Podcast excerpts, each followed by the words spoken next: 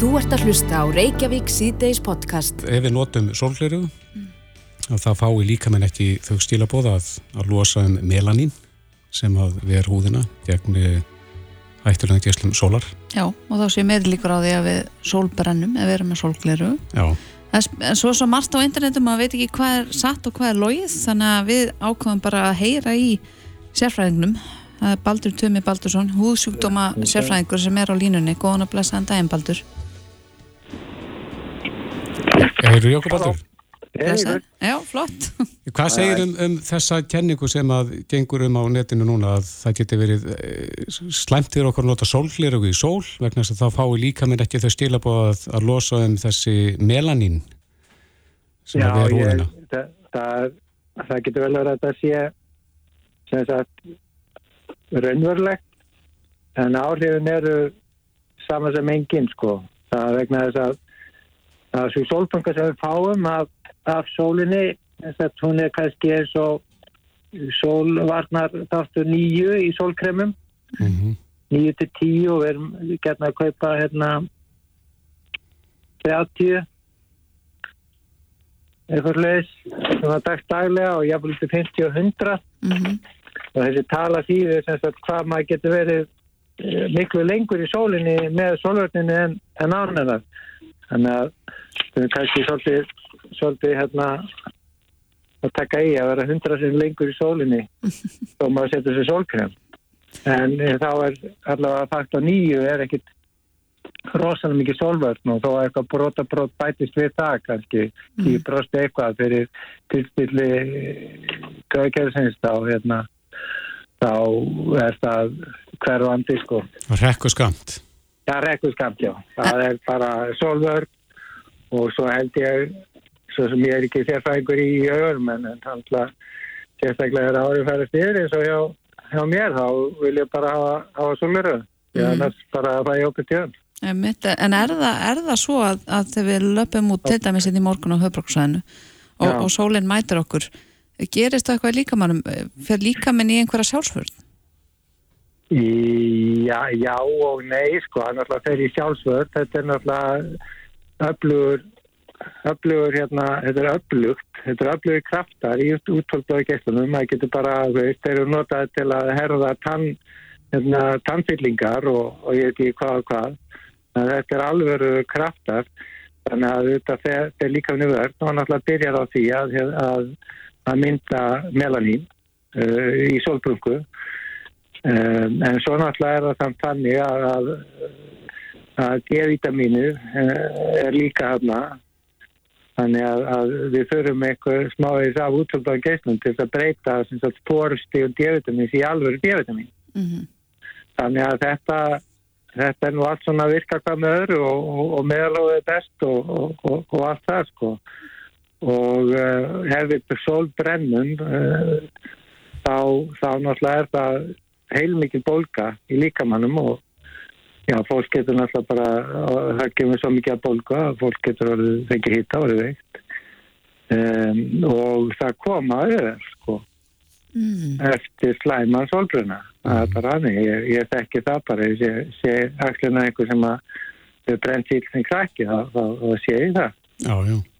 Þannig að hérna, þetta er, þetta er, þetta er sko til að leika sér með en ekki til að leika sér af. Mm. En, en er þá ekki dagur eins og þessi hérna á höfbruksvæðinu bara þín versta martrúð að það hljópa, hljópa allir út í sólina á þessa? Nei, það er bara, bara fólk bara leip út í sólina og setja sólgu og setja sér sólverð, húfur og nýtur þess bara að vera úti sko, en, en það er ekki að skemma hérna, þetta fína lífari viljandi með því að það leggjast út en þetta gera það það er ekki það að gera því þetta er svona en það hefur náttúrulega mikað mikið og við sjáum líka fólki sem hefur verið eh, erlendis og er svolítið erlendis fólk. Mm -hmm. það er bara kvíkt sko. Ég geti bara hugsað um þá sem hafa verið í Los Angeles og svona. Það fólk er ekkert, ekkert brund sko. Það er bara, bara, bara hérna, mjög, mjög temmilegt sko. En hvað með styrk út, útfjólublára geysla á Íslandi? Sem er kannski halda að þeir sé ekki einn skadlegin eins og annar staðar? Segjum til dæmis eins og á tenni sem er nú viðkomast aður Jú, jú, þannig að að, að, sólgerðinu koma sko inn í andurslóttið og því meira ská sem þau koma, því meira andurslótt uh, farið gegnum, aður er lenda á jörðinni og, og þá dre, dregst það þessu úr þeim en, en þetta er eftir maður alveg upplugt sko og, og uh, því hefur verið að taka náttúrulega svona fórstíksbreytingar af fólki sem hefur aldrei til útlátt að komu en bara verið í útífinu eitt líf kannski. Að, hérna, þannig að þetta telur alveg. En ósændin við að brenna er nú kannski bara alveg nóg til að reyna að forðast það. Já, ég sé að styrkur út fjólublára gæsla á Selfossi núna eru fjórir, fór hægt í sjö í dag. Já, og, og þetta hefur verið mælt og er mælt sko. Ég ég mitt átt einhverjum í rásun og setti svo sólneimur på þakki á mér Já. það var alveg alveg sko útöpaði geta sem komund mm -hmm. En hvað með styrkin í sólavörninni hvað, hvað á, ámar að vera með mikla vörn? Já, það er fyrsta legin alltaf þetta, já, akkur það er alltaf flókið en það er semst A og B og B og A-gæslan eru mjög nálægt innu út svona fjólubláa ljósi sem við sjáum þannig að þá þarf sko vörð sem er kannski svolítið meiri sjáanlega að e, og í gamla dag þá var náttúrulega bara, bara títanið díóksi sem er svona kvítilítur sem við notum í húsamálingu það var settur í solvörð Mm. til þess að varna þessum næstum sínilegu gesslum, útölbaði gesslum það eru A-gesslanir, þau gerir eitthvað hrugkótt og svo eru B-gesslanir sem eru mun krafturi og það eru þeir sem að sem sagt, uh, þeirra orka sem að brennur upp í alveg alýstalagi húðarnar og, og, og það eru er frumur sem að geta þá sagt skemmt erðarni og fengist aukveðingar og, og lokum jafnvel hérna sortæklu og það er sortæklu sem verður náttúrulega alltaf sætt við. Á meðan sko algengustu breytingarna eru flöðvíkubbreytingar og það eru ferlega leðilegar mm. það er bara þannig Þannig að er það bara því sterkara því betra þegar það kemur á sólarvörn? Já, í rauninni og, og kíkja á þessi aförn líka sko Hvað notar þú? Ég notar bara 50 Já. í, í golfinu Já. og, og hérna En verður þú brún? Já, já, já, maður er alltaf brún sko, maður er úti að maður er brún Er þetta helsta mítan þegar kemur á sólarvörn að maður verður ekki brún þegar maður notar Já, það er, það er mítið sko, því að það þarf ekkit mikið til að melaninni þess að fyrsta lagi þá býr maður til melanin og öðrulegi þá melaninni sem er fyrir, það verður dökkra mm. alveg eins og sko við sem, sem erum sko, grá í rótina og, og litum okkur ekki að þá er melanin í hárun að það döknar þegar það vex út sko Mm -hmm. það, það kemur kannski litlust út og svo döknar það fyrir átt ljósins Já, já. þannig að melaninni það er býstna instant og, og síðan bætist við framleysluna og, og allt mögulegt svoðið, þannig að vist, vist verður við útetekkin og, og, hérna, og, og hraustleg. Já, en Baldur, þú segir að sólavörni verði að verja gegn báðingeislum bæði á og bíu. Er aldengt að, að þessi vörð sé bara fyrir annarkot geislan eða? Nei, ekki nú orðið. Þetta er orðið miklu, miklu betra. Eh, Hérna í gamla dag þá sáum að englendingar hafa mikil vakningu hjá englendingum og sett á krakkan síðan. Þau voru náttúrulega blá, sko, svona hvítblá á sólvörninni. Já, Mm. En þetta sést ekkit lengur þannig að þetta er bara sett í allar ef það er eitthvað var í sólvörninu þá er bara ábyggistarínu, sko, ábyggjavörninu. en svo er það þeir sem fara hínáttin og, og fá sér sólar olíu. Já, það er vonaði nú að tilheri kortinni, en sólarólja nú, sérst að já, hún er minka bröstu húðarnar, þannig að í staðis að endur kastast að hluta af húðinni eins og þeir gera hérna, gestanir, þá bara sérst að, já, þá boraði þér bara allir inn og, og Mm. þú fær meira magna af útvöldan gestlum, bara þú setur smjör og smjörpartir, þá er hann aðeins skeggsari. Já, þá maður bara eins og maður sé að grilla sig eða eitthvað. Já, það er. Ekki mælt með því. Nei. Vi, við rættum eitthvað tíma við húð sjúkdómasérfræðing sem að sagði að brunga væri ekki hraustleika merki, heldur veikleika merki, tekur undir það? Nei, ég, ég vil bara allir því að mikið saman sko og, hérna, og, og það til er held ég að vera út í, í friskaloftinu og, og, og hérna en það, það, geta sína á, á, á þeim gæðum eins og, eins og öðrum gæðum sem geta komið í. Einmitt. Já, þetta var fróðlegt spjall en fólk getur sér að setja upp sólgleru í sól og alveg, er alveg órætt við það. Já. Já, flott. Baldur Tumi Baldursson, húsútuma sérfræðingur. Takk kærlega fyrir spjallið.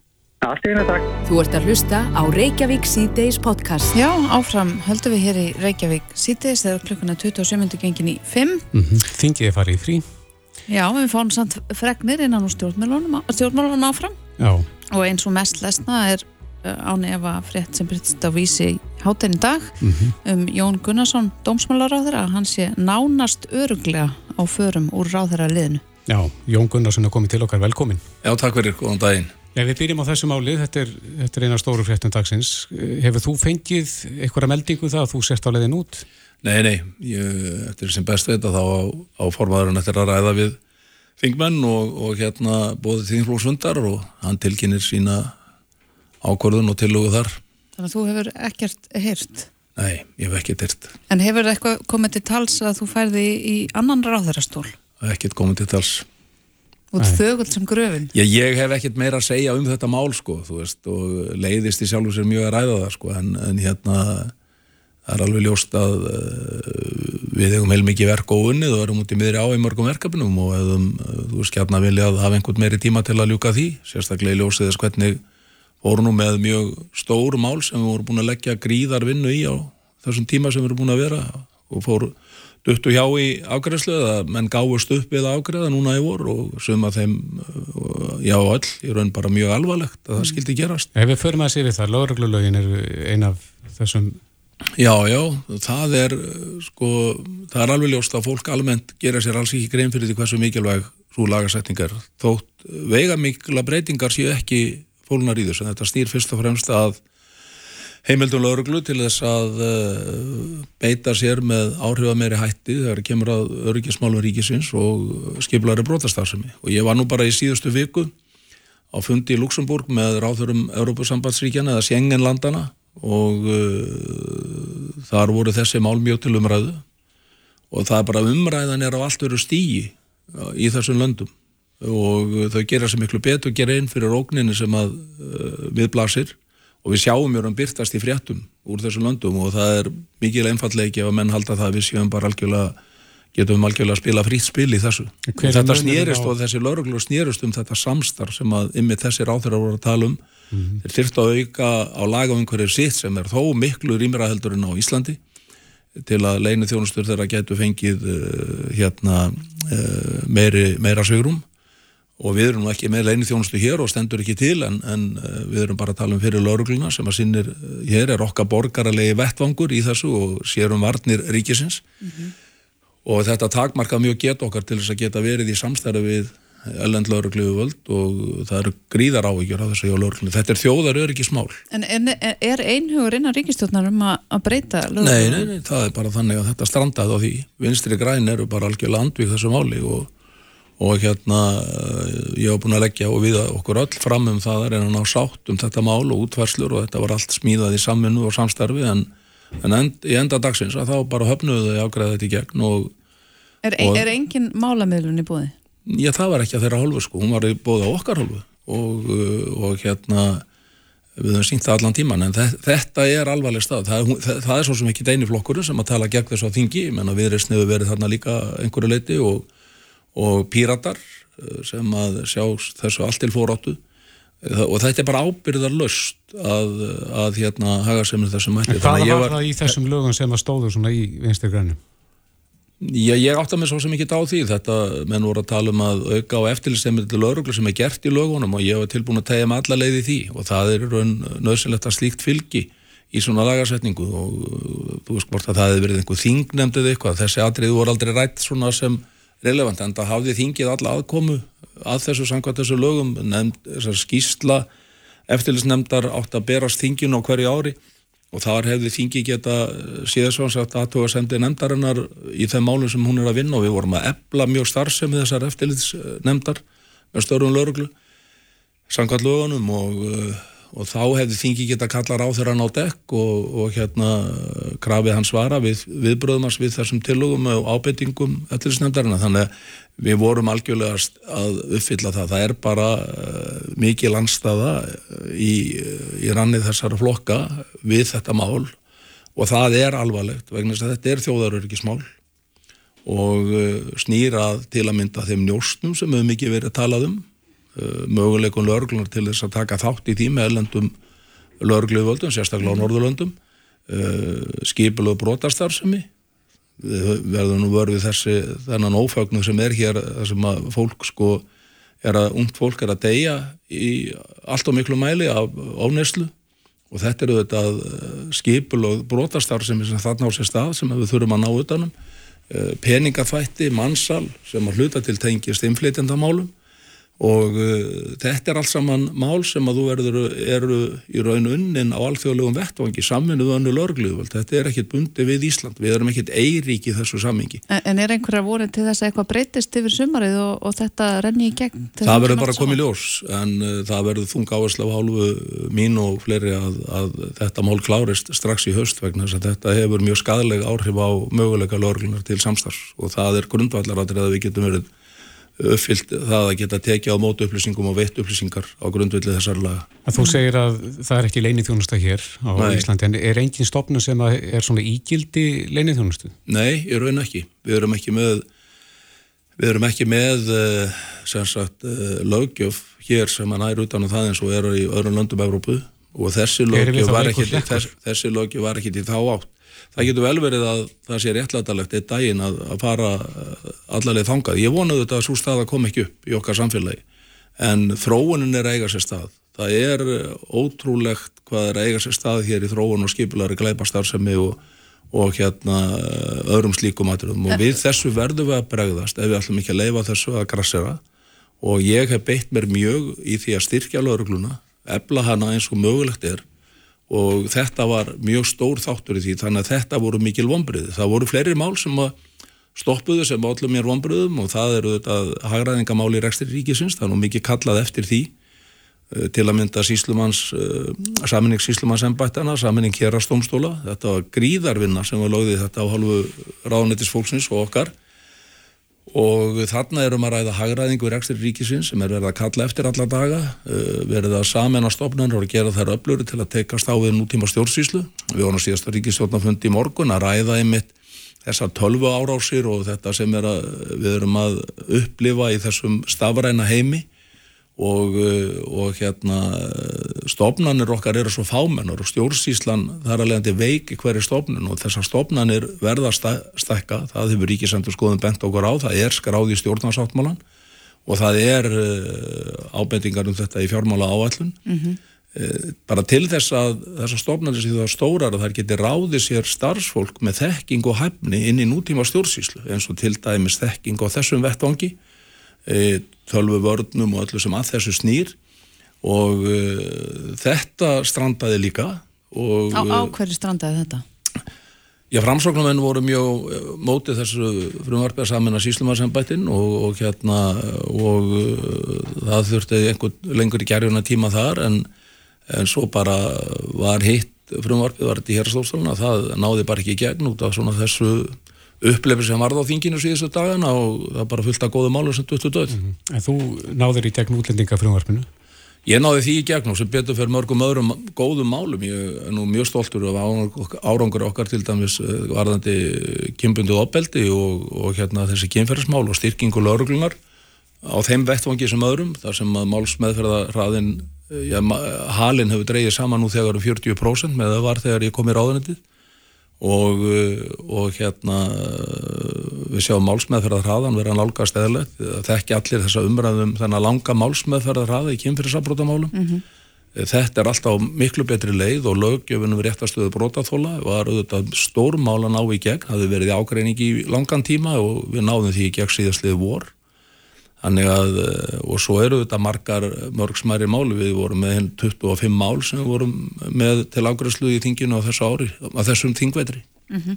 Mér lang, langar aðeins að bakka varandi skiplaða brotastarsem út, ég held að séu kannski einhverjir sem er að hlusta núna sem áttast ekki á þegar þú talar um þessa miklu hættu. Já, hver er þessi miklu hætta? Hva, vitum við kannski ekki einu svona helmingina því sem að þú veist Hvert ég held, að ég held að fólk gerir, sko, þetta eru þetta lögregla gerir sér vel grein fyrir þessu. Mhm. Við verðum að munna það að uh, lögreglumenninir okkar, að þeir eru að vinna í hinni hliði samfélagsins alla daga og þau þekkja þetta vel og það er á grundvilli þessa sem við til að mynda erum búin að fjölga núna greiningar á rannsóknateimum í skipulari brotastar sem er stórgóðslega. Uh, fjölguðum þar um 20 manns eða fjögur teimi og það hefur verið eitt teimi fyrir. Þannig að við erum að leggja alla áherslu á það að reyna að efla okkar starfsemi þarna. Þetta er reynlega að segja að þetta sé bara mafíustarfsemi.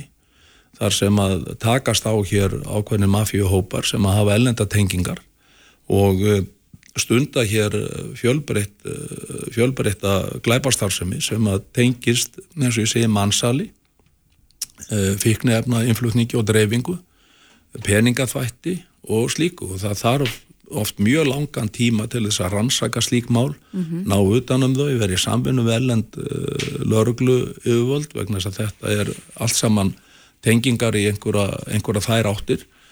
Og, uh, og hérna til þess að geta tekið á móti upplýsingum uh, sem að okkur er þá treyst fyrir og geta fylst hérna með aðlunum sem við fáum ábendingar um að sé að koma til landsins, þá þurfti lörglun að fá þessa lagaheimild og uh, við erum að ganga miklu skemur heldur en öll lönd í Evrópu. Þrátt fyrir þessi lög þá varum við miklu skemur. Og ég vitna aftur í fundin sem ég var með fyrir helgi ég var á fyrir helgi með ráðurum Evrópulandana þar sem að það stóð upp úr hverjum og fætur öðrum mikilvægi þess að styrkja í þei, þeirra tilfelli leini þjónustundar En, en, Fyrir- en hver og- er þá framtíðasýnin ef þú nærður þessu ekki gegn út að mér heyrist að það sé ekki sérstaklega líka Já, hún er bara hún er bara takmörkuð geta lögreglunar þá til að taka þátt í þessu samstarfi. Og það er bara vel meðvitað og var beðið í raun eftir þessu til að mynda hjá uh, hjá hérna uh, frantjóðum okkar, Norrlöndum, lögregluðvöldum þar var bara beðið eftir afgræslu þessu máls. Og það trúði því enginn sem að er vel inn í þessu málum en að þingi myndi afgræða þetta. En að það verður bara átt að reyna á það aftur og reyna að samfæra þingmenn og upplýsa þá betur. Við höfum þó lagt okkur fram um það Lörglan hafði funda með þingmönnum, þingflokkum, uh, fulltrúum ríkistjórnarinnar og tekið plástunum svolítið af og sínta minni þannan heim. Og það er ekkert verið að búa þetta til sko, þetta er því miðurstaðarendir og við viljum ekki sjá þróunum að verða hér eins og erum í öðrum löndum þar sem að gengjastríð eru að háð með reglulegu, reglulegu reglu, bara reglulega og með þeim afleiðingum eins og við horfum til dæmis upp á í Svíþjóða fleiri löndum og við höfum tækifæri til að grípa inn í þetta og við þurfum að beita öllum úræðum til að gera það. Þetta hefur verið eitt mitt aðal áherslumál og voru þessuna mikil vonbriði að þetta skildi ekki klárast og, og hérna þetta er mál sem maður hefði gætna vilja fylgja eftir. Já, en við erum að falla tíma Jón. Já, Eh, Það stýrist í kringum helgina hvort að þú sért á leiðin úr eh, þínu ráðuniti. já, já, Hvað, hvað, gerir þú ef að, ef að þú verður settur á sem ráð þeirra? hvað gerir þið þegar stór? Verður þú óbreyttu þingmaður aftur eða? Já, það ge gerist það sjálfur sér. Ég, hérna, þá er ég komin eh, í þá stöðu að vera þingmaður og hérna svo kemur bara ljós hvað, hvað framtíðin byrja skautið sér í þeim efnum. En ef þér býðist annað ráðuniti Já, já, ég meina, eh, ég held að vera alveg sama hvert nú myndir í pólitíkinu spyrja þessar spurningar, sko. Eh, Við erum öll í pólitík til þess að hafa áhrif og ég hef auðvitað langar einslu orðið, 16 ára á þingi, ég byrja ára mínu 17 ári núna og, og hérna hef, eh, hef mikill þekkingu að búa í þeim efnum og starfskafta mínu getur klárlega nýst í önnu ráðuneyti En viltu halda áfram sem tónsmálar? Já, ég er að- búin að vera að fara yfir það. Það er rýmis mál sem að við erum á segja út í miðri á og ég hefði talið það æskilegast en þetta er bara, pólitíkin er eins og hún er og það þýðir ekkert að deila við dómarenn í þeim efnum þannig eins og maður gæti orðað þetta og uh, það verður bara uh, komið ljós hver verður settur á, á hérna hliðalínuna í ráþæra, á ráþærabökk og, uh, og svo vinnum við okkur bara áfram frá því.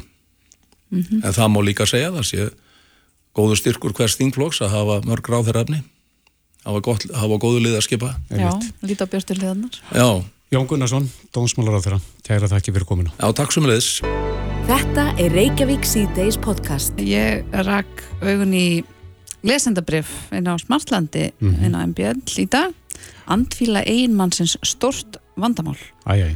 og þessast einhvern að skrifa hérna um að í átta ár hafa hún verið ráðarlaus og haldið þessu lengdu ég veit ómögulega hvernig ég var að ræða þetta við einmann minn en andfíla hans hefur gjörsamlega eðlagt kossa og kelir í fyrir mér og hún er algjörlega hugmynda, hugmyndastöðum hvernig hún getur sko nálgast þetta en Þetta hann er ömuleg staða. Þetta er það nefnilega. Já. Ég vorkin henni. Um, sem betur fyrir spyr hann aldrei og verðist vera nokk saman með að við kissumst ekki djúpum og innilegum kossum. Ég sakna þeirra virkilega. Þetta er ræðileg staða. Já. Hann hefur notað ímis munnskóld, tannbust og tannfræðin ekkert hefur hjálpað. Hann fyrir tannlagnaskoðanir mjög reglulega en minnist aldrei á negin vandamál. Hvernig ræði þetta vandamál aðeins að gera það óþægilegra en það er nú þegar? Er vandamálið í munnhólinu eða er það í magan? Það er nefnilega stóra spurningin sko, við, sem við þurfum að fá svar við og á línunni er Íris Þórsdóttir tannlagnir. Góðan að blessa daginn Íris. Já, góðan daginn, svo er með þið. Hva, já, hvað veldur andfílu? Já, sko, andfíla, andrema, þetta er þetta mjög kvinnleitt og, og mjög viðkvæmt mál oft á tíðum og, og eins og þú talar um þessu les, lesendabriði, þá er þetta ekkit síður, sko, kvinnleitt í bara nánu samböndum að tala um. Mm Um, en það er sem sagt, það er, getur verið nokkru ástæði fyrir þessu. Um, og margar þeirra eru tengda munnhólinu en svo talar um maga líka og það er, það eru dæmum það séu líka hérna, aðrar orsakir en aðal orsakinn eru bakterjur og oftast er þetta bakterjur sem að er ekki hrifnar á súrefni þannig að það eru liggja svona niður með tönnunum undir tannholdi þannig að ef við erum til dæmis með mikið að tannholdsbólgun eða tannsteini að þá geta þessar bakterjur lifað svolítið góðu lífi hann undir. Já, hvernig er þetta að drepa þeir með góðu móti? Já, einmitt. Þá þurfum við að hreinsa tannsteinin og, og tannstýrtuna í burstu til að ná niður bólgunni og þannig reyna að hreinsa upp svæðið þannig að það sé lítið sem ekki af þessum bakterjum.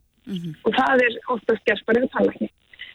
Um, hins vegar getur við þetta bara verið með góða munnhyrðu og tannbesta vel og, og nota tannfráð en þess að milli tannana þá hérna, grassar þetta oft. Þannig að tannfráðurinn er líkilega til þessu og svo eru líka til munnskól sem að geta hjálpa en þetta þarf í rauninu ekki reynd að fara saman. Það er En, kannski ekki nóg að tannbesta bara eða nota bara munnskóli eða eitthvað svolítið. mm, en tyggjó eftir máltíð? Ég tekja á frábært það bara svona frískandi en það kannski leysir ekkit, ekkit orsökina. Þannig að það er, það er sko, ég myndi segja að ef að einhver er í þessari stöðu eða á maka sem er í þessari stöðu að, að leita til tannlæknis fyrst og fremst til að finna orsökina. Um, eins og ég segja, þá er þetta ekki endilega frá munnhóli. Um, þetta getur, getur enda verið frá hérna kannski endaöfstum. Stundum er, er, hérna, er endaöfst hólk komin upp og, og það getur verið bólka eða, í kringum hann. Eða jafnvel ef við erum nýbúin í endaöfstatöku, þá kemur oft lykt í einhverju daga eða eitthvað svo leys eftir það.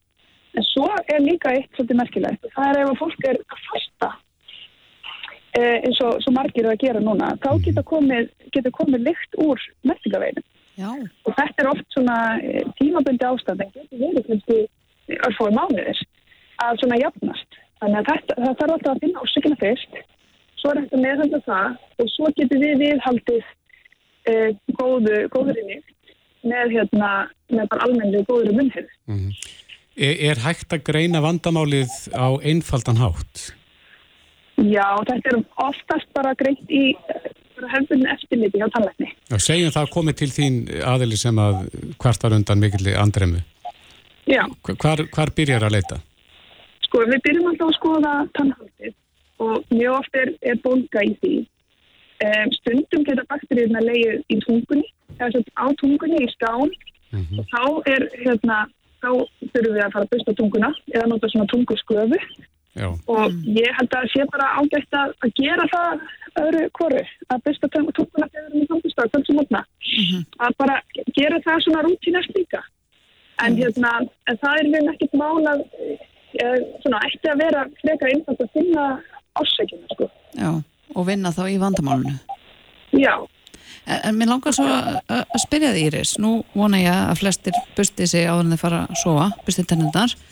Af Já. hverju vakna maður svona andfull? já, það er akkurat þessar bakteríus. Mm. Það, það er svo þannig að þegar við sofum að þá er munnvarsframlistan aðeins minni. Þannig að þá í rauninni e, skólast óhrifmyndin og það eru alltaf bakteríur í munnhólinu að skólast síður í burstu. Þannig að það setur svolítið bara í kringu tennurnar og tungunni og svo leiðst og hérna og er ekki náttúrulega hreinsun eins og þegar við erum að tala og borða og allt þetta á dagi. Um, en það er í rauninni bara, þetta er sama ástæða, þetta eru bakteríus sem að, sem að hérna lifa og ræðast í munnhólinu sko. Og hérna, og svömi spyrja af hverju þurfum að tannbesta eftir nóttina, þegar við tannbestum kvöldið áður, að það er það sama, það myndast svona filma á tannum vegna bakterja og, og við þurfum að reynsa það í busti og þess vegna kannski eru margir sem spyrja á að busta fyrir eða eftir í morgunat að það skiptir í raun engum máli en svo við erum bara að reynsa bakteríum eftir nóttina. Já. En Íris, eh, af hverju á fólk svona erfitt með að finna sína eigin andremu? Já, það er bara stór stundin og ég veit ekki svaru henni. Mm. það er, það er náttúrulega svolítið merkilegt hvernig þetta er.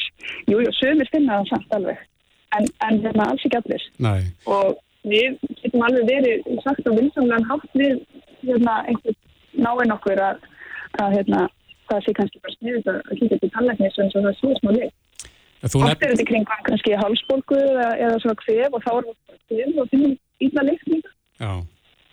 En að því hún nefnir að, að það eigi að benda á, þetta er mikið feimnismál og af hverju veigrar fólk sig við að benda nákomnum á, til dæmis vinnufélag eða maka eins og í þessu lesendabrifi?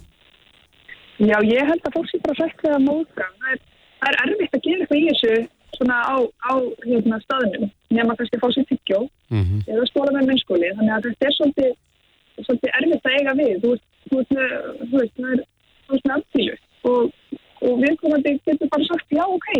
Það er ekkert, það er hérna, það er auðvitað bara kannski svolítið viðkvæmt en, en hérna, en ég myndi segja að væri alveg svo bara að ef það er eitthvað með hérna, mjög svitalikt eða eitthvað svolítið að það sé bara alveg kannski segja að hjálpa fólki með það. Mm -hmm. Á svona bara, kannski draga fólki hliðar eða, eða hérna, ekki gera þetta fyrir samanbyggt fólki. Mm -hmm. Já, Ég held að allir kunni bara meta það, sko. Já, ég held að líka, maður ætti kannski ekki að líta á þetta sem tveimnismál. Nei, Ég, ég er reyndar, er svo heppin að hafa engan í lífinu mínu sem er andfúll. Það, það er ekki að klíma þetta vandamál. En það er held í flesti sem eru bara góðir í munnherði á Íslandi. Ekki að halda það allavega. Við bestum flest eins og á dag. Þá er, þá er það samtætt. Já, en það er lausna á vandamálinu, við heyrum það á þér, þannig að lausnin Já. er til staðar. Engin spurning. Mm -hmm. Einmitt það. Íris Þórstóttir, tannlagnir, takk kjærlega fyrir spjalli. Já, sem ég veist. Bye bye. Þetta er Reykjavík síðdeis podcast. Jæja, áfram höldum við Reykjavík síðdeis, það er fréttir inn á vísi.is, það sem segir að 17 ára drengur var í gerðkvöld fluttur á slisadeild vegna líkamsárásir í mjóttin í Reykjavík, Mm af hendi fjögur annar á aldrinu 17 til 20 ára. Og uh, manni finnst allt of tíðar fréttir af, svona fréttir af tíðum ofbeldisbrotum í kringum mjóttina sem er nú einn stór stræt og stoppistuð. Einmitt, það er spurning hvort að þetta sé ekki eitthvað sem við þurfum að hafa alvarlega ráðgjur af og, og skoða betur. Mm -hmm. Uh, á línunni er Sigriður Harðardóttir, staðgengill fórstjóra strætó og góðan að blessaðan daginn Sigriður. Skoðan daginn. Þessar fréttir sljóta valda ykkur ákveðnum áhugjum. Já, þær gera það svo sannlega. Við náttúrulega viljum að, að bæði starfsfólkið okkar og vagnstjórar og, og svo náttúrulega farþegarnir okkar að þeir séu öryggir þegar þeir fer, ferðast um strætó, hvort sem það er á byðstöðum eða í vagnunum sjálfum. Þannig að já, fréttir af svona náttúrulega valda okkur ákveðnum áhugjum. En þe- þetta er svo tíðar fréttir, hefur ekkert verið gert í bálunum eða ha- hafið þið reyndað að fá laurugluna til þess að, að taka svona fastar á þessum málum? Já, svona að þeim málum sem hafa snúið að strætó per segja, þá höfum við verið í sambandi við laurugluna og við höfum líka verið í góðu sambandi við þá rekstrar aðila sem eru í mjóttunni Mm -hmm. og erum í góðu samstarfi við þá. Og ég, ég veit að það er verið að reyna að vinna að þessu málum og reyna líka að uppræta þessa hópamyndun sem hefur verið þarna undanfarið. Mm og, og ég vona svo sannarlega að það, það muni takast. En eins og staðan er í dag, ég veit ekki nákvæmlega hvernig þetta stendur akkurat í dag en, en þessi frétt með þetta atvik þarna núna, það, þetta er auðvitað mjög slæmt. Mm. Veistu hvað leiðir er verið að skoða? Ég þekki það ekki nákvæmlega sko, því miður. Mm -hmm. En heyrið þú af þínum vakstjórum að, að staðan sé ekki nógu góð í mjótinni? Já, ég heyri það. Uh, Stræt og við erum með uh, kaffeaðstöðu fyrir vakstjóra og þar sem þeir hafa aðgang þarna inn í húsið og eins eftir að byggsalurinn lokar á kvöldin þá hafa þeir aðgang. Og þeir eru margir hverjir uggandi, sérstaklega þegar þeir eru þarna sent jafnvel á kvöldin einir á ferð, þurfa að komast inn í húsið. Og, og þeir eru jafnvel eftir þarna inn og, og svona, já, ein, einhverjir hafa orðið fyrir einhvers konar ofnandi höfum, Mm. það var þó ekki komið upp neinn uh, sérstaklega ofbeldismál gagvart vaktstjórunum en, en já, þeir tala samt sem áður um þetta þetta er Þetta getur verið óþægileg tilfinning að vera þarna ferðinni. Já, ég trúi því. Er þetta eitthvað svona sem hefur verið að ágerast? Uh, það hefur, sko, undarfarnar mánuði, þá hafa þessi mál, já, verið að koma upp í mjóttinni, sérstaklega. Við heyrim að því, Sigriður, að, að foreldrar séu uppgandi og svona tvístígandi að senda börni sín með strætó til Reykjavíkur, það er að segja þau börn sem að búa út á landi. Mm Heyrir þú að því líka að, að, að foreldrar, foreldrar sé ekki sama? Já, ég hef heyrt af einhverjum svona málum, en ég hef þó ekki fengið það nákvæmlega, stað, nákvæmlega staðfest, en já, ég hef heyrt, heyrt af því að foreldrar séu uppgandi og sem foreldri skil ég það að mæta vel. En er, er mjóttin eitthvað einstæmi í þessu eða er það að heyra uh, frásagnir uh, af öðrum stoppstöðum? Nei, ég held að mjóttin er einstæmi akkurat núna, já. Já, þetta er ekki, ekki glæsilegt. Er eitthvað sem strætó getur gert sko, upp á eigin spýtur eða þarf þetta að vinnast í sam, samtali við lauruglu og rekstraðila til dæmis í mjóttinni? Já, þetta þarf að vinnast með öllum aðilum sem koma að því bæði strætó og rekstraðil í mjóttinni, eigendur, Reykjavíkuborg og þetta þarf að vera samstarf allra aðila. Já, hafið þið kallað eftir samstarfinu? Uh, Við hefum að minnstu kosti verið í sambandi við, já, lauruglu og, og rekstra aðila í mjóttinni og svo náttúrulega bara aðila sem sitja hér í stjórnstræt og fyrir hendur ekki okkur borgar. Maður myndi halda að þetta hafa hraðar hendur. Já, maður allavega myndi vilja sjá að, að eitthvað, eitthvað fara að gera sem, sem uh, bætir öryggið í mjóttinni og að fólk upplifi ekki að það sé hrætt eða, eða uggandi að vera á ferlið þarna, það má alls ekki vera þannig. Nei, en þetta eru alltaf tíðar fréttir finnst manni svona af slíkum málum úr af þessum stað. Já, það hafa verið það undarfarið, ég er sammála því. Mm Einmitt það, við fylgjumst með þessu áfram Sigriður Haraldóttir, staðgengill fórstjóra strætó. Takk hérlega fyrir spjalli. Takk sem er leiðis. Reykjavík síðdeis á Bilginni podcast. Samgöngu áallun var uh, kynnt í dag og uh, innviðar á þeirra. Ráþæra samgöngumáli komið til okkar. Sigur Ingi Jóhansson, velkomin. Já, takk fyrir. Er margar stóra fréttir í þessari áallun. Hvað, hvað ert þú ánaðustu með?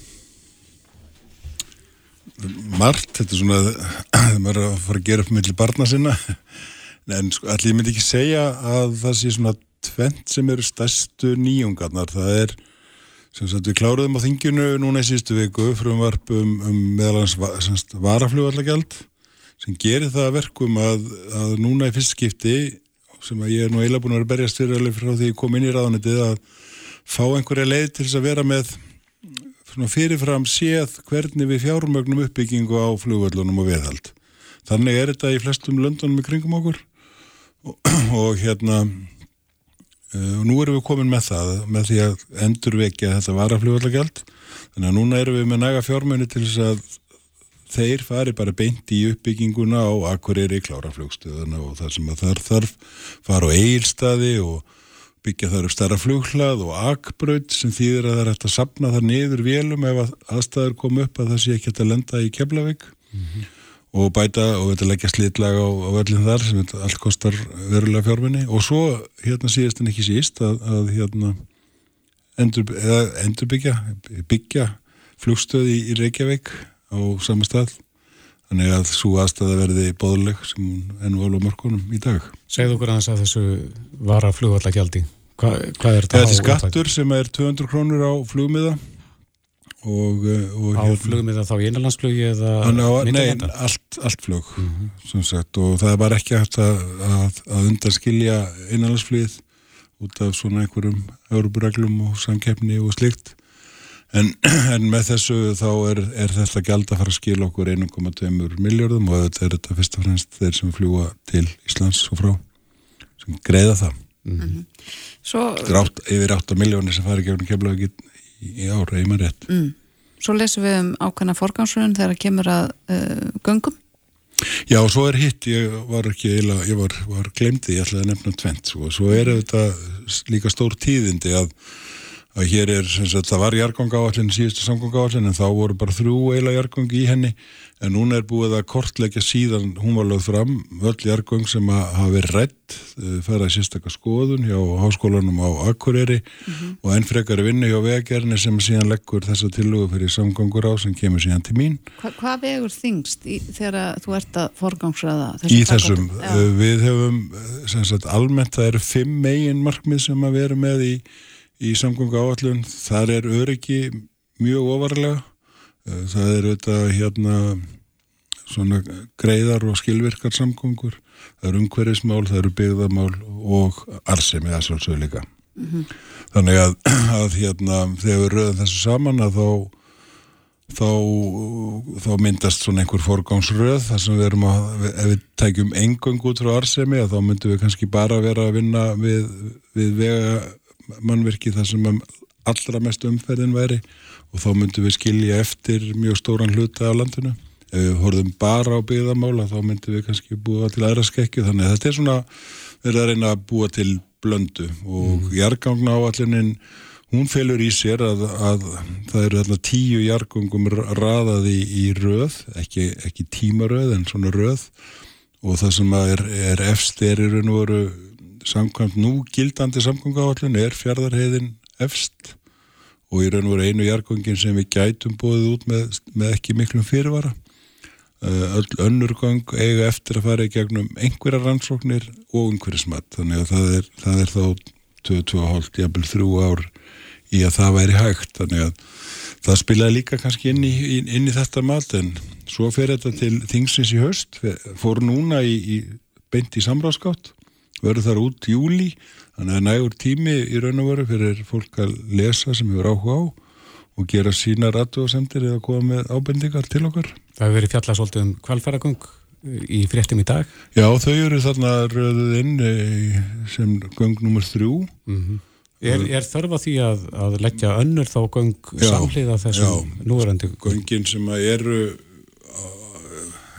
það er svona einhverju staðlar sem miða við cirka 8000 bíla á ári og þegar hérna það er nú semst það var betra flæði þegar að gjaldtakan hætti þannig að það var minna vesen á því. En einn daginn þá, þá annað þau ekki eftir spurn og þá þarf að leggja önnur. Mm -hmm. Er eitthvað sem að dettur úr fyrir áallunum sem kemst ekki inn í þessa? Uh, nei, ekki þannig. En, en sem sagt, það er að bætast þá við einhver nýja ár. Eins og verður þá hefur vegavísitala eða samgönguvísitala hækkað um 30% Þannig ef við segjum bara þessi sama fjármagn á sama tíma þá eru 30 pluss tverri verkefni en það eru þetta búið að bætast við þannig að síðasta áallin var til 34 og þessi til 38 þannig að þau komast fyrir en þau eru aftar heldur en margir myndu vilja og þar og meðal ég sko. Mm. Já, þannig að þú ert smá súr, hvað er fleiri líka? Já, sem, sem samgöngur á þeirra þá hefur maður, maður viljast geta sett enn meiri fjármunni í enn frekari framkvæmdir og fyrr en síðan erum við þetta, sittum við líka sem ótviti ríkstjórn og við erum kannski fyrst og næst þessa dagana slá á verbulgu, þenslu og verðum að svona vega og metta hvað er hægt mm -hmm. en ef okkur takst það að, að, og það verður svigurum í fjármál áallu næsta ás eða þar næsta ás þá er, er að mínum að þetta er skeinsanlegt að nota það svigurum til frekari fjárfestingar í samgöngum þetta er, er svo arsamar framkvæmdir, mm -hmm. þetta er svo gott fyrir samfélagið mm -hmm. En talandum jargöng, eigamenn hafa kallað eftir göngum til eiga? Já. Komast það... slík göng inn á þessu áallin? Nei, þau eru ekki þarna...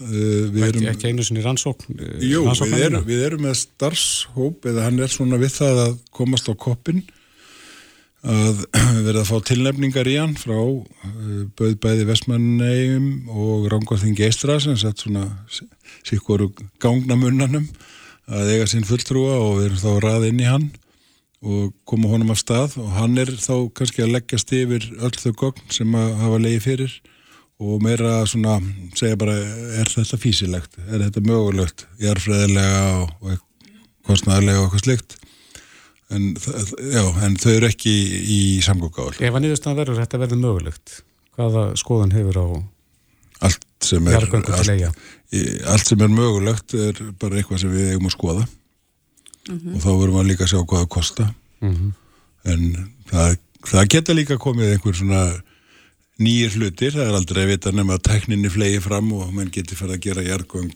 hafkvæmari heldur en, heldur en við þekkjum þau í dag. Já, en það er því hugsanlega spartnaði, það, það kostar að hafa fyrirkomulega eins og það er núna. Ég, það er klárlega, meina, það, er, og- það er viðvarandi hérna, kostnæður við að, að þróa landægja höfn og svona sandhafnir, þar þurfa stöðu að diffkunni raun og veru. Og, og auðvitað er hérna þjónustagagvart samfélagi miklu betri eða þú ert alltaf með opin veg en, bara, en ekki hérna þegar að ferjan siglir sko.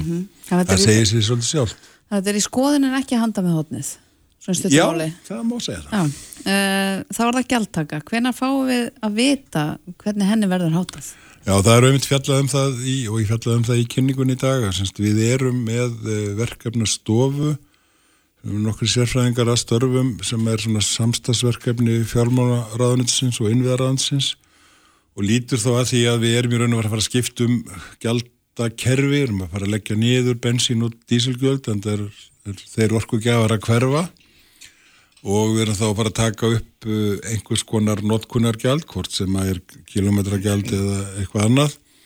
Og síðan er þessi verkefna stofa þá líka með þetta samspil að ofan á það sem að við erum í samgangu áallun, fjármagnað bent af fjármála áallun eða fjárlögum hvers ás að þá erum við með höfbrukarsáttmálan sem að á verður að hluta til greittur með öðrum hætti, þróun kjaldnalands, einhverjum notkunargjöldum flýtu umfyrir gælda.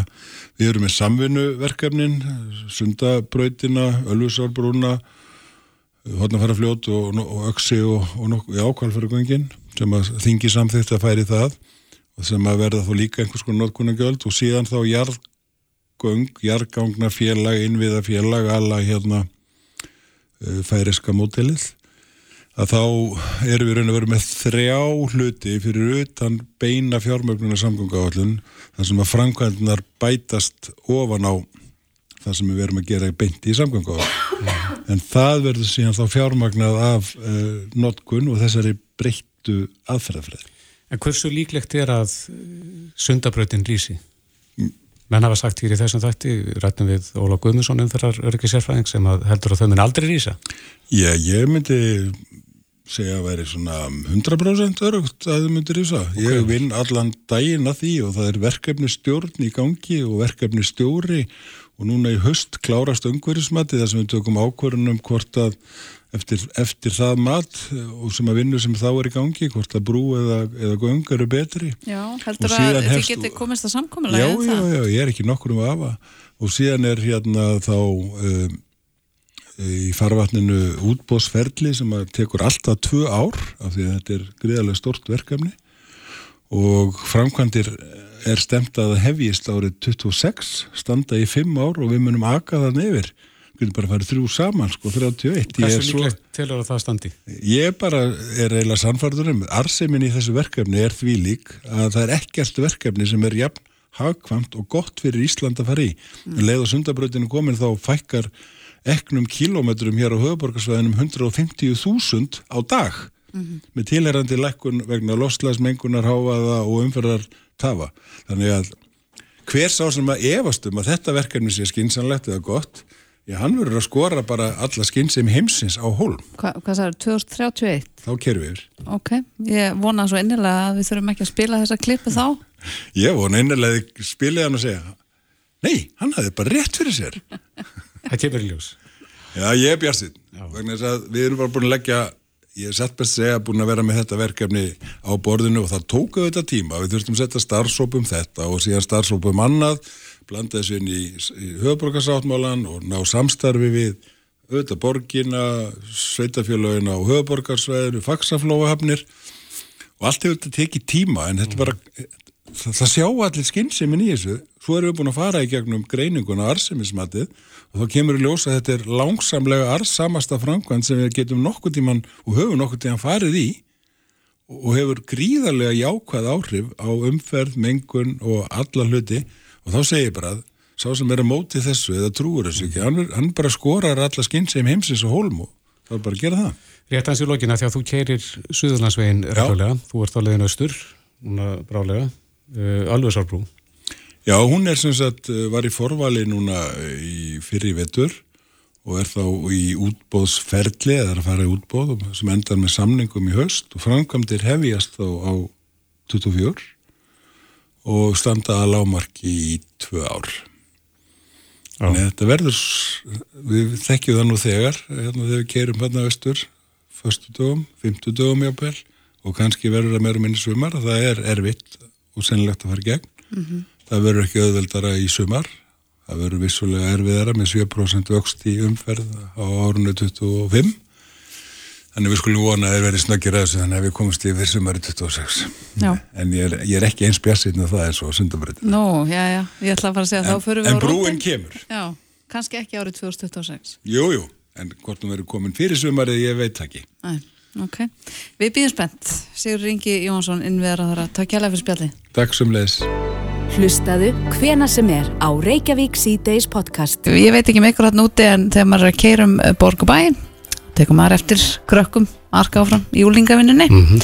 og uh, ég rakk augun í mjög áhugaverðan einleik sem er verið að setja upp í núna í Kópavogi sem heitir einfallega Flokkstjórin Já. og þau eru sest hérna hjá okkur höfundarnir Hólmfrýr Hafleðadóttir og Magnús Tollasís, velkomin Takk Takk kjærlega fyrir Og Hólmfrýr, þú farið að verkefni að standa á sviðinu og fara með þennan einleik Ó já Já, ok. Ertu, er þið búin að leika á eftir að frumsýman, frumsýman hvernig er staðan á því? Uh, já, við síndum þennan einleiki fyrra.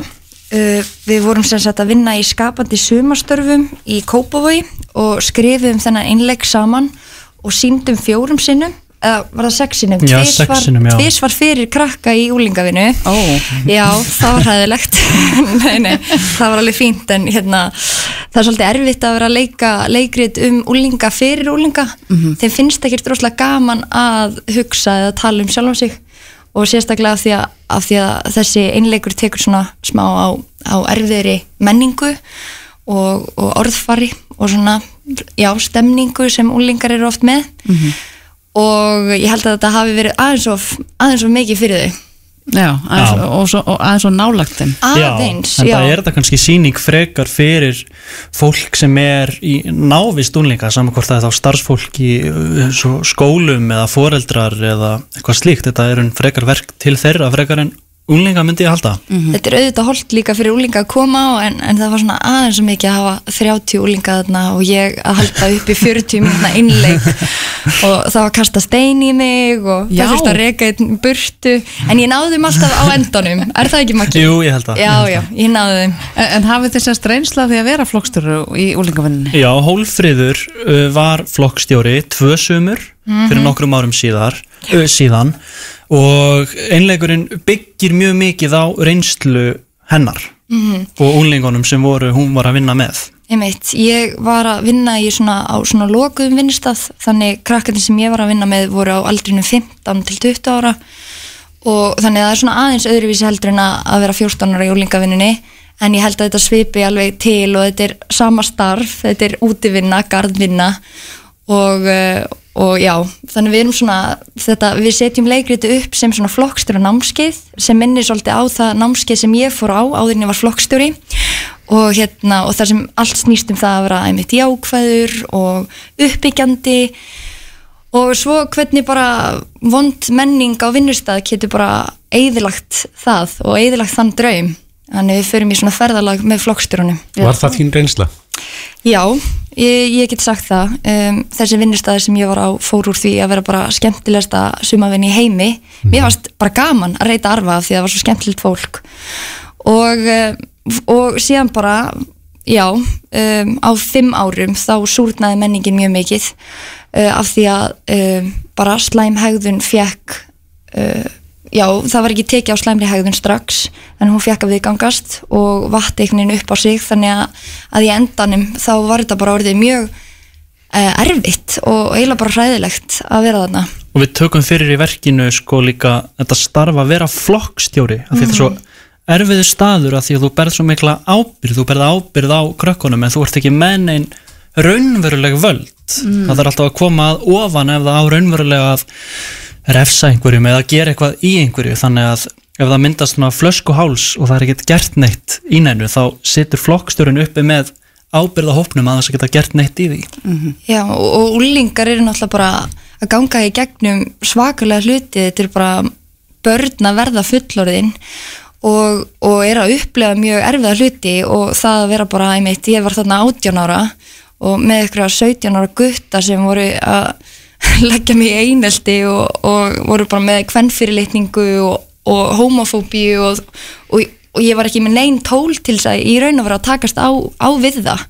Nema bara hætti þessu hætti að tala svona. Nota hrósamlokur Já, eða nota hrósamlöguna þú ert frá, frábæri í úlpu ekki gott þegar þú tala svona um þróskaskerta en, eh, en ég fíla brosið þitt eða eitthvað svona, þetta er svona hrósamloka sem við tölum svolítið um í verkinu. Það er að hrósa einhverjum, gaggrína síðan og hrósa en, en það er ekki hægt þegar þetta verður svona alvarlegi hlutir. Og þetta er mjög dýbra verk en maður heldur við fyrstu sín út af því að maður sér úlinga í úlingavinnunum maður heldur þetta sé nú bara frekar svona sniðut og skemmtilegt. Já, fólk sem Já. kemur heldur að vist það sé að fara á svona léttvægt verk um kannski hvað unglingar geta verið latir eða eitthvað svona grín og gaman en svo kemur á daginn að við erum að, jújú, jú, við föllum við það líka sko, en það leiðir alltaf út í verri og verri haugðun sem verður að einelti ofbeldi uh, og menningu sem var að þrýfast sem getur verið bara mjög skadleg og haft varanlegan skada og fólk á ekki endilega vona á því og já, við spyrjum okkur hvers vegna, hvers vegna ekki? Já, og það sem líka skipta okkur miklu máli þegar við skrifum þetta verk var að allt, öll kvót í krakkana og líka allar sögur að hegðun er að þær þurfa að vera sannar. Uh, okkur fannst eitthvað ódýrt að við sætum hérna saman og varum bara hversu slæmir geta úlinga verið? Af því að ég vil líka bara að það sé skýrt að ég elska úlinga og mér þykir vænt um þá. En, en, en það er líka, þetta er flókin aldur og ef hópurinn þú veist, ítir undir, undir hérna slæma hegðun þá verður fólk já, gerir slæma hluti. Hvaða dæmi um hegðun hefur svona farið mest fyrir brjóstina, brjóstið á áhörund? svona uh, náttúrulega mjög ljótt orðfar og að óska fólki bara mjög já þú veist bara að segja fólki að drepa sig og eitthvað svona sem uh, kannski hugsaður ekkert um afleðingar uh, gjörða sinna. Nei, já, líka við, við nefnum þarna dæmi um, um bara já, kynfyrslega áreitni. Og uh, já, hvað fleira. Þetta er bara mjög margt. En þetta er líka skemmtilegt verk. Já, já, já, já, og, fólk, fólk fær alveg að fara þetta er ferðalag. Og, Mhm. og við erum ekki þarna, við stöndum ekki og, og erum að prétika um það hvað hvað úlingar séu vondir heldur fjallar þetta í raun og veru bara gæti þetta fjallar um hvaða vinnustað sem er. Þetta fjallar bara um menningu og það sem hópur af fólki er saman komið og, og hvernig það getur þróast í hvað átt sem er. Já, þetta er allavega einstættu verk. Uh, Miðar, fást á tix.is og það er frýtt, það er frýtt það, er mikilvægt, já. En maður þarf ná sér í miða. Já, það er bara gott fyrir okkur að vita hverju koma eða hver, hversu margir Já. en það er ókipis Ok, við mælum með einlegnum flokkstjóranum sem það síndur í Grandakvarfi í Kópói Hónfrýður, Haflega dóttur og Magnús Tólasir Takk kærlega fyrir komuna. Takk, Takk. Reykjavík síðdeis á Bilginni podcast. Og nú ætlum við aðeins að snú okkur að öryggi í sumarhúsum. Já, það er nú verðt að, að taka vel eftir þeir sem ætla að dvelja löngumstundum í sumar í sumarhúsinu. Það er gott að hafa öryggið á átinum Já. Hún er sestirna hjá okkur Hrefna Sigurjónsdóttir, verkefnastöður í forvarna hjá Sjóvó, velkomin Takk fyrir. Þú skrifa nú langan pistil um þetta einmitt á vísi í dag, öryggi í sumarhúsum Hvað er svona það helsta sem fólk þarf að hafa í huga? Þetta er nefnilega alltaf gott að minna á þessu atrið. Þetta er svona við höldum alltaf að við vitum þetta en svo þarf alltaf að rifja þetta upp og þetta er líka oft svona árstíðabundnar áskorunir og nú flikkist fólk í sumarhúsin. Við reynda að gera það allt árið hér á landi en, en það er kannski vinsætla núna en ella. Og þannig er svona áhersla á eldvarnir og slísavarnir. Að hérna þannig að dölinn verði ánægileg og áhyggju laus. Uh, Það er oft sagt að slísin ger ekki búið á undan sér en við segjum að það má reyndar oft vera fór sjálf og koma í veg fyrir þau með því bara huga svona þessum helstu forvörn. Mm. Hver eru svona algengustu tjónin eða slisin sem verða sem kom inn á bór til ykkar í, í þessum sumarhúsum? Algengustu tjónin í sumarhúsum er vastjón og það er svona gegnum gangandi allt, um, yfir allt árið. Eru, uh, þau eru dýr og þau eru frekar algeng og það er oft líka því þá verður kannski vastjón í bústæðnum og það er engið þar í langan tíma og þá er þetta búið að liggja. Uh, þannig þau eru svona algengust en síðan eru það eh, brunar sem eru oft mjög slæmtjón og það vil enginn lendi því að, að, hérna, að það kvikni í húsinu eða, sem fólk er í og náttúrulega fyrst og fremst er það bara öryggismál en líka verða mikla skemmtir Eldurinn eirir engu. hann eirir engu og getur verið mjög hættulegur þannig að við leggjum mikla áherslu á að fólk hugi vel að eldvörnum ekki bara á heimilinu, heldur líka í sumarhúsunum. Hvað er það aðalega sem er að valda íkveikju í sumarhúsum? Það getur verið, geta verið ímsar ástæður. Þetta getur verið eitthvað, eitthvað rammagstengt eða fólk gleymir potti á hellu eða, eða hérna, fyrir, ekki varlega með eld. Það er bara svona alls konar orsakir. Og vantarlega mikill eldsmatur í sumabústöðunum sjálfum, þetta er yfirleitt bara timbur. Já, það getur verið og einmitt pallur og verandir og gróður og svona. Er, er þetta svipar eldvarnir og bara heima hjá okkur? Erum við að tala um reikskinjara í hvert rými og þar framöndu guttunum? Já, við erum að því. Það uh, er mjög skynsalegt og eiginlega nöðsilegt að hafa reiskinjar í hverju rými. Sérstaklega því í dag eru við svo mikið í tækjum og við erum alltaf að hlaða. Við erum líka svo aukningi þannig eldsóðum að hérna, sem kveikna út frá þessum ramagstækjum sem fólk er með í dag. Þannig að hérna, það eru reikskynjarnir, svo þetta slökkvitæki sem þurfa að vera vel staðsett, gott að hafa þau útgang, þannig að það sé hægt að hérna, slökkva eldin og komast út. Passa samt þessu ekki fyrir þannig að það sé alveg hérna greið leið út og að fólk eh, safnist þá saman fyrir utan og áfram, fyrir fram ákveðnu stað. Og síðan er eldvarnateppið sem ætti að vera í hverju einasta eldúsi eh, bæði heima og í bústanum því það geta komið ymsir eldari mitt í eldamennskunni eða, eða út frá ráftækjum eða hverju sem er og það má oft ráða auðvitað við þá með eldvarnateppið, Mhm. þetta er bara svona lítið Er grillið algengur sökundungur? Já, grillið er alveg eitthvað sem þarf að huga líka af því við líka notum það svo mikið á sumrin og aukinni nótkunn fylgir aukin áhætta. Þannig að það þarf líka að passa að umgangast það af varkárni, aldrei að líta af því, vera fylgjast alltaf vel með þegar er grillað af því það getur líka leikið mikið fita af matnum. Þess vegna skiptir líka svo miklu mála að þrýfa grillin vel og reglulega því að það er oft þessi fita af grillmatnum sem er að kveikni í. Og eins að hafa gaskútin ekki undir grillinu heldur til hliðar af því það getur leikið fit úr grillinu og margir gaskútur eru plasti í dag og þá geta það gata kútin og svona líka passa sig að vera ekki að grilla uppið timburveggi eða stóra glugga og svo les. Já, við erum búin að fara svona í kjöngum eldvarnar. Er, er eitthvað fleira svona sem að sumarhúsa eigandur þurfa að hafa í huga?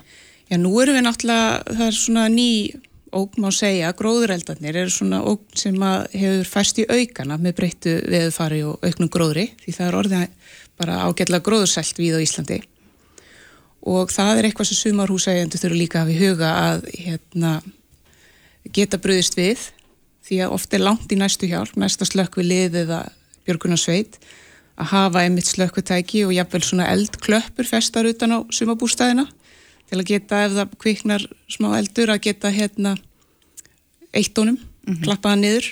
Er mikilvægt að, að reynsa gróður, það er að segja búa til eitthvað svona mm, svæði, svona hlutlega svæði svona í kringum bústæðin? Já, það er mikilvægt og einmitt HMS uh, húsnæðis og mannverkistofnum mæli með því að það sé lámark 1,5 meter uh, gróðurlust svæði eða svo, svo til gróðurlust í kringum bústæðin og þetta á þá líka við út frá verundum og, sem eru úr timbri og, og hérna pöllum. Þannig að þeir sem eru með gróður sem að liggur upp að, upp að húsinu að þeir ættu að hugsa sinn gang. Já, það væri skynsalegt að grísja hann og hafa hann ekki upp í húsið af því þetta eins líka bara að hafa snirtilegt í kringu bústæðina ekki vera með mikið af eldsmat eða drasli svona undir verundum og eh, í mikil þurkatíð er skynsalegt að vökva gróður ef hægt er. Og hérna og svona huga þessu líka vera ekki með eins og fólk er kannski með útigrill á þessum útivista svæðum passa að slökkva vel í þessu og passa þetta ná ekki að læsa sig í eitthvað eitthvað, eitthvað gróður eða eldsmat í kring því að bara af svona lítilli glóð getur orðið mikill skadi eins og við höfum nú séð með svona sínubrunum sem hafa átt í stað Einmitt. En hvað með svona önnurslis í kring og sögumbústæmi? Þetta er náttúrulega fyrstu heitipottur að einhver rennur og og hérna, reykus í eða, eða, eða börn lendi einhver, einhver hættu í svona heitapottum.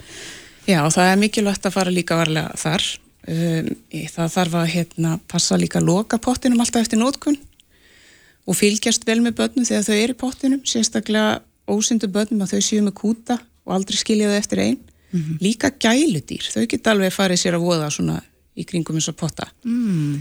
þannig að hérna, þetta er eitthvað sem þarf að hafa í huga og bæði loka til að það veri ekki fyrir tjóni eða kemur vindur eða slíkt en líka bara svo að börnin sé ekki fara að núni uh, þegar það er ekki verið að fylgjast með. Mhm. og svo það passa að hýtast því líka að tekka alltaf á því áður því þú mælir í sín eitt, maður getur aldrei verið 100% Nei. en bara svona aðeins að finna hvort það sé ekki öruglega við hæfi. Þetta er svo langur checklisti ég hugsa að sumir að núti þeim fallast hendur en þetta er nú ekki dvolega flókið Nei, þetta er ekki flókið. Og sumir myndir segja að þetta væri eitthvað svona heilbrið skinnsemi Uh, stundum er það bara með þessa heilbrið skinnsemi að maður gleymi sér og til dæmis eins og þegar verið að skoða slís hjá slísaskrá þá eru slís í frítíma oft algeng á heimili og í frítíma og fallslís og svo leiðis og þá er það kannski líka því við erum ekki með varan á okkur og erum mónin kannski bara pínu kærulus en ef maður bara svona venu sig á ákveðna hluti og eins og bara tekka á reiskenarinu þegar maður kemur í bústæðin eða bara koma þessu öllu fyrir á sínum stað þá bæði veitir manni hugaró og maður er örugari en þannig þetta er bara gott að hafa í hug og eins erum að ganga frá bústæðinum hafa bara gátlista upp á vegg Þú nefnir líka í pislinum uh, að hafa greiða leið að bústanum.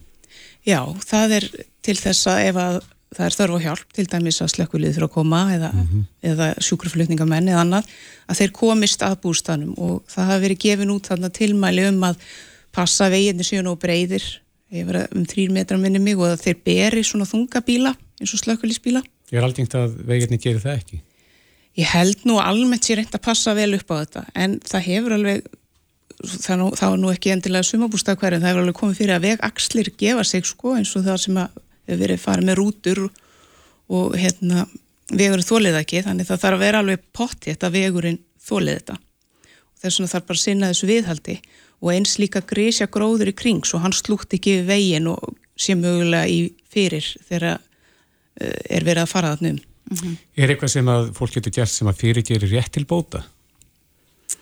ekki nema bara vísutendan kveiki í held ég sko. Já, já, já, en það, það er ekki nema að sé bara einhver ásetningur um að valda skada Já.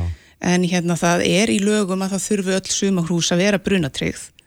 En svo er hægt að kaupa sérstakka sumarhúsa tryggingu sem tryggir þá innbú og, og svona fyrir helstu helstu skakkaföllum Mm og svo er það kannski sem er að hugsa um kostnæðin við með dreikskinira, eldvatanteppi uh, slökkutæki en þetta er náttúrulega eitthvað sem að uh, er ekkert að fara að renna út. Ekki, ekki bráð og við segjum nú alltaf að hérna, þetta sé einn ódýrasta líftryggingin að vera með öryggistækin í lagi. Mm. létt var slökkutæki endist í svona 8-10 ár og svo þarf alltaf að fara árlega og láta svona tjekka á þeim hvort að þrýstingurinn sé réttur og sé nokkuð komið tæring og slíkt og ef fólk er með duft slökkutæki að þarf að reyfa þau til. Svo myndist ekki svona klumpur í botninum. Mhm. þannig að það er alltaf huga að þessu bara svona eins og öðrum hlutum.